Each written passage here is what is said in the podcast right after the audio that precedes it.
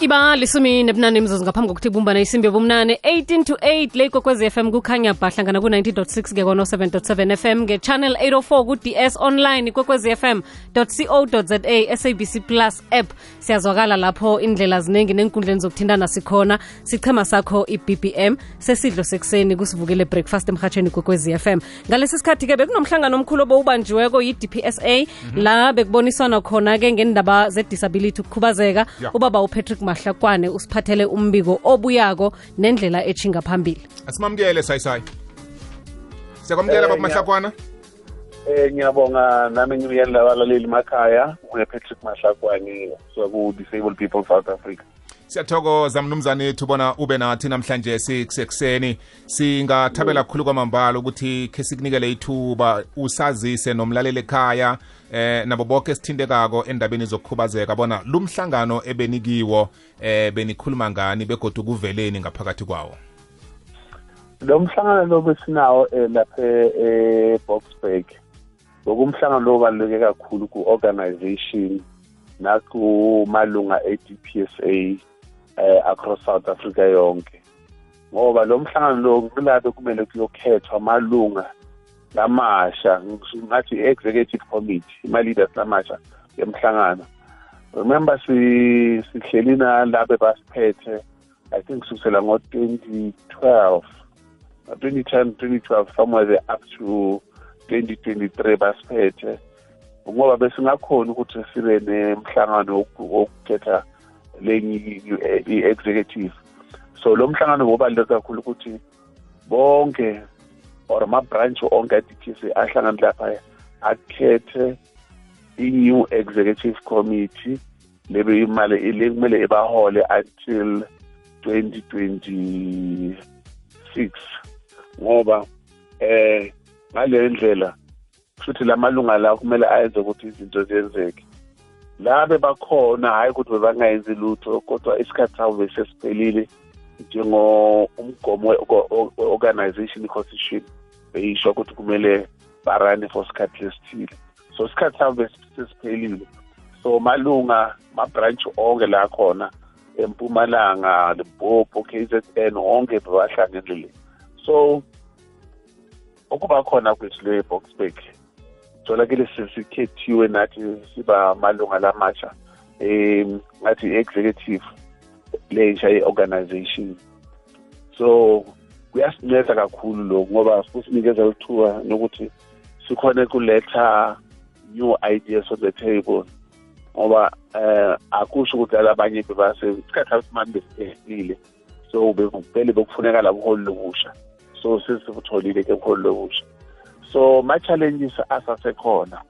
Eh abantu abakhubazekile la kumele sidile ngawo singabantu eh singa si-new leadership.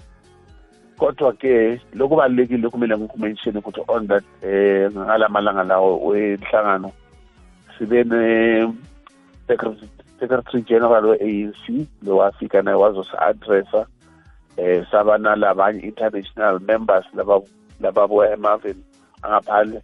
Who supported the National General Assembly saphinda saba na eh eh minister in the presidency lona wafika wasi-addressa kafushane ngingasho ukuthi eh u SG we u Secretary General we-ANC Mr Fikile Mbalula ufikile wasi-addressa washo ukuthi i-ANC i- iyafuna ukuhambisana nathi isupporte nokuthi uma umhlangano uphelile sibuye sishere ma, ma, eh, ma resolution ma resolution enhlangano nabo ukuthi bazokhona ibona esi-ruling party bazokhona ukubona ukuthi bangastrengthenisha njani i-government uku- ukusevisa ekuseviseni abantu abakhubazekile ukunikeza insiza kubantu abakhubazekile. Ngoba kwamanje kuningi lokusalele emuva.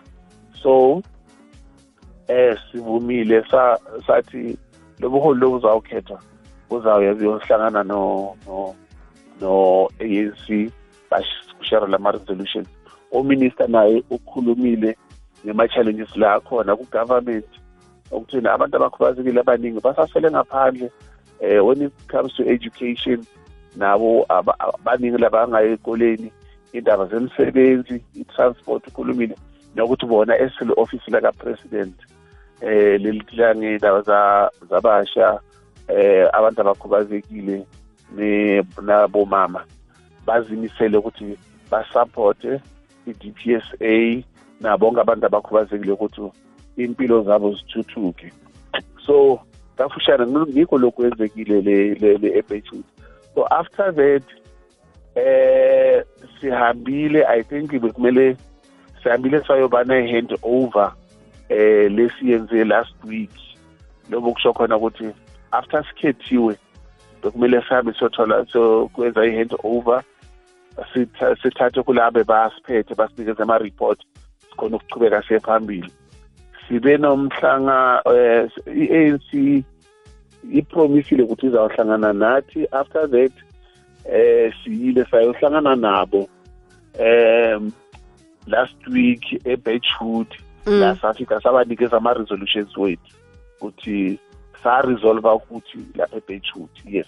Okay baba mahlakwane ngenxa yesikhathi mhlawumbe nanginabantu abakhubazekileko abalaleleko namkhana onomuntu amaziko okhona ekhaya onokukhubazeka bayisebenzise njani i-dpsa le eh ukuyithinda bayithinde njani khona? I-dpsa kumele bayisebenzise inhlangano lelo lamalungelo wabo. And bakhumbule ukuthi le nhlangano yaqala ngo-1984 so bangasifowunela uma banema-challenges ukuthi sikhone ukubanceda. Sikhone ukubona ukuthi um la kule area labahlala khona kunabobani ama-leaders labangakhona ukuthi baye la kulama areas abo bathole ukuthi information bagatherishe information ebese bayiletha la kithi. Thina sesiyabona ukuthi si-engage abobani ukuthi bakhona ukubanceda. Inumber ye mina njengo-chairperson we-d p s a nomutsho bangangifonela ku o eight um ku-zero seven six zero seven six.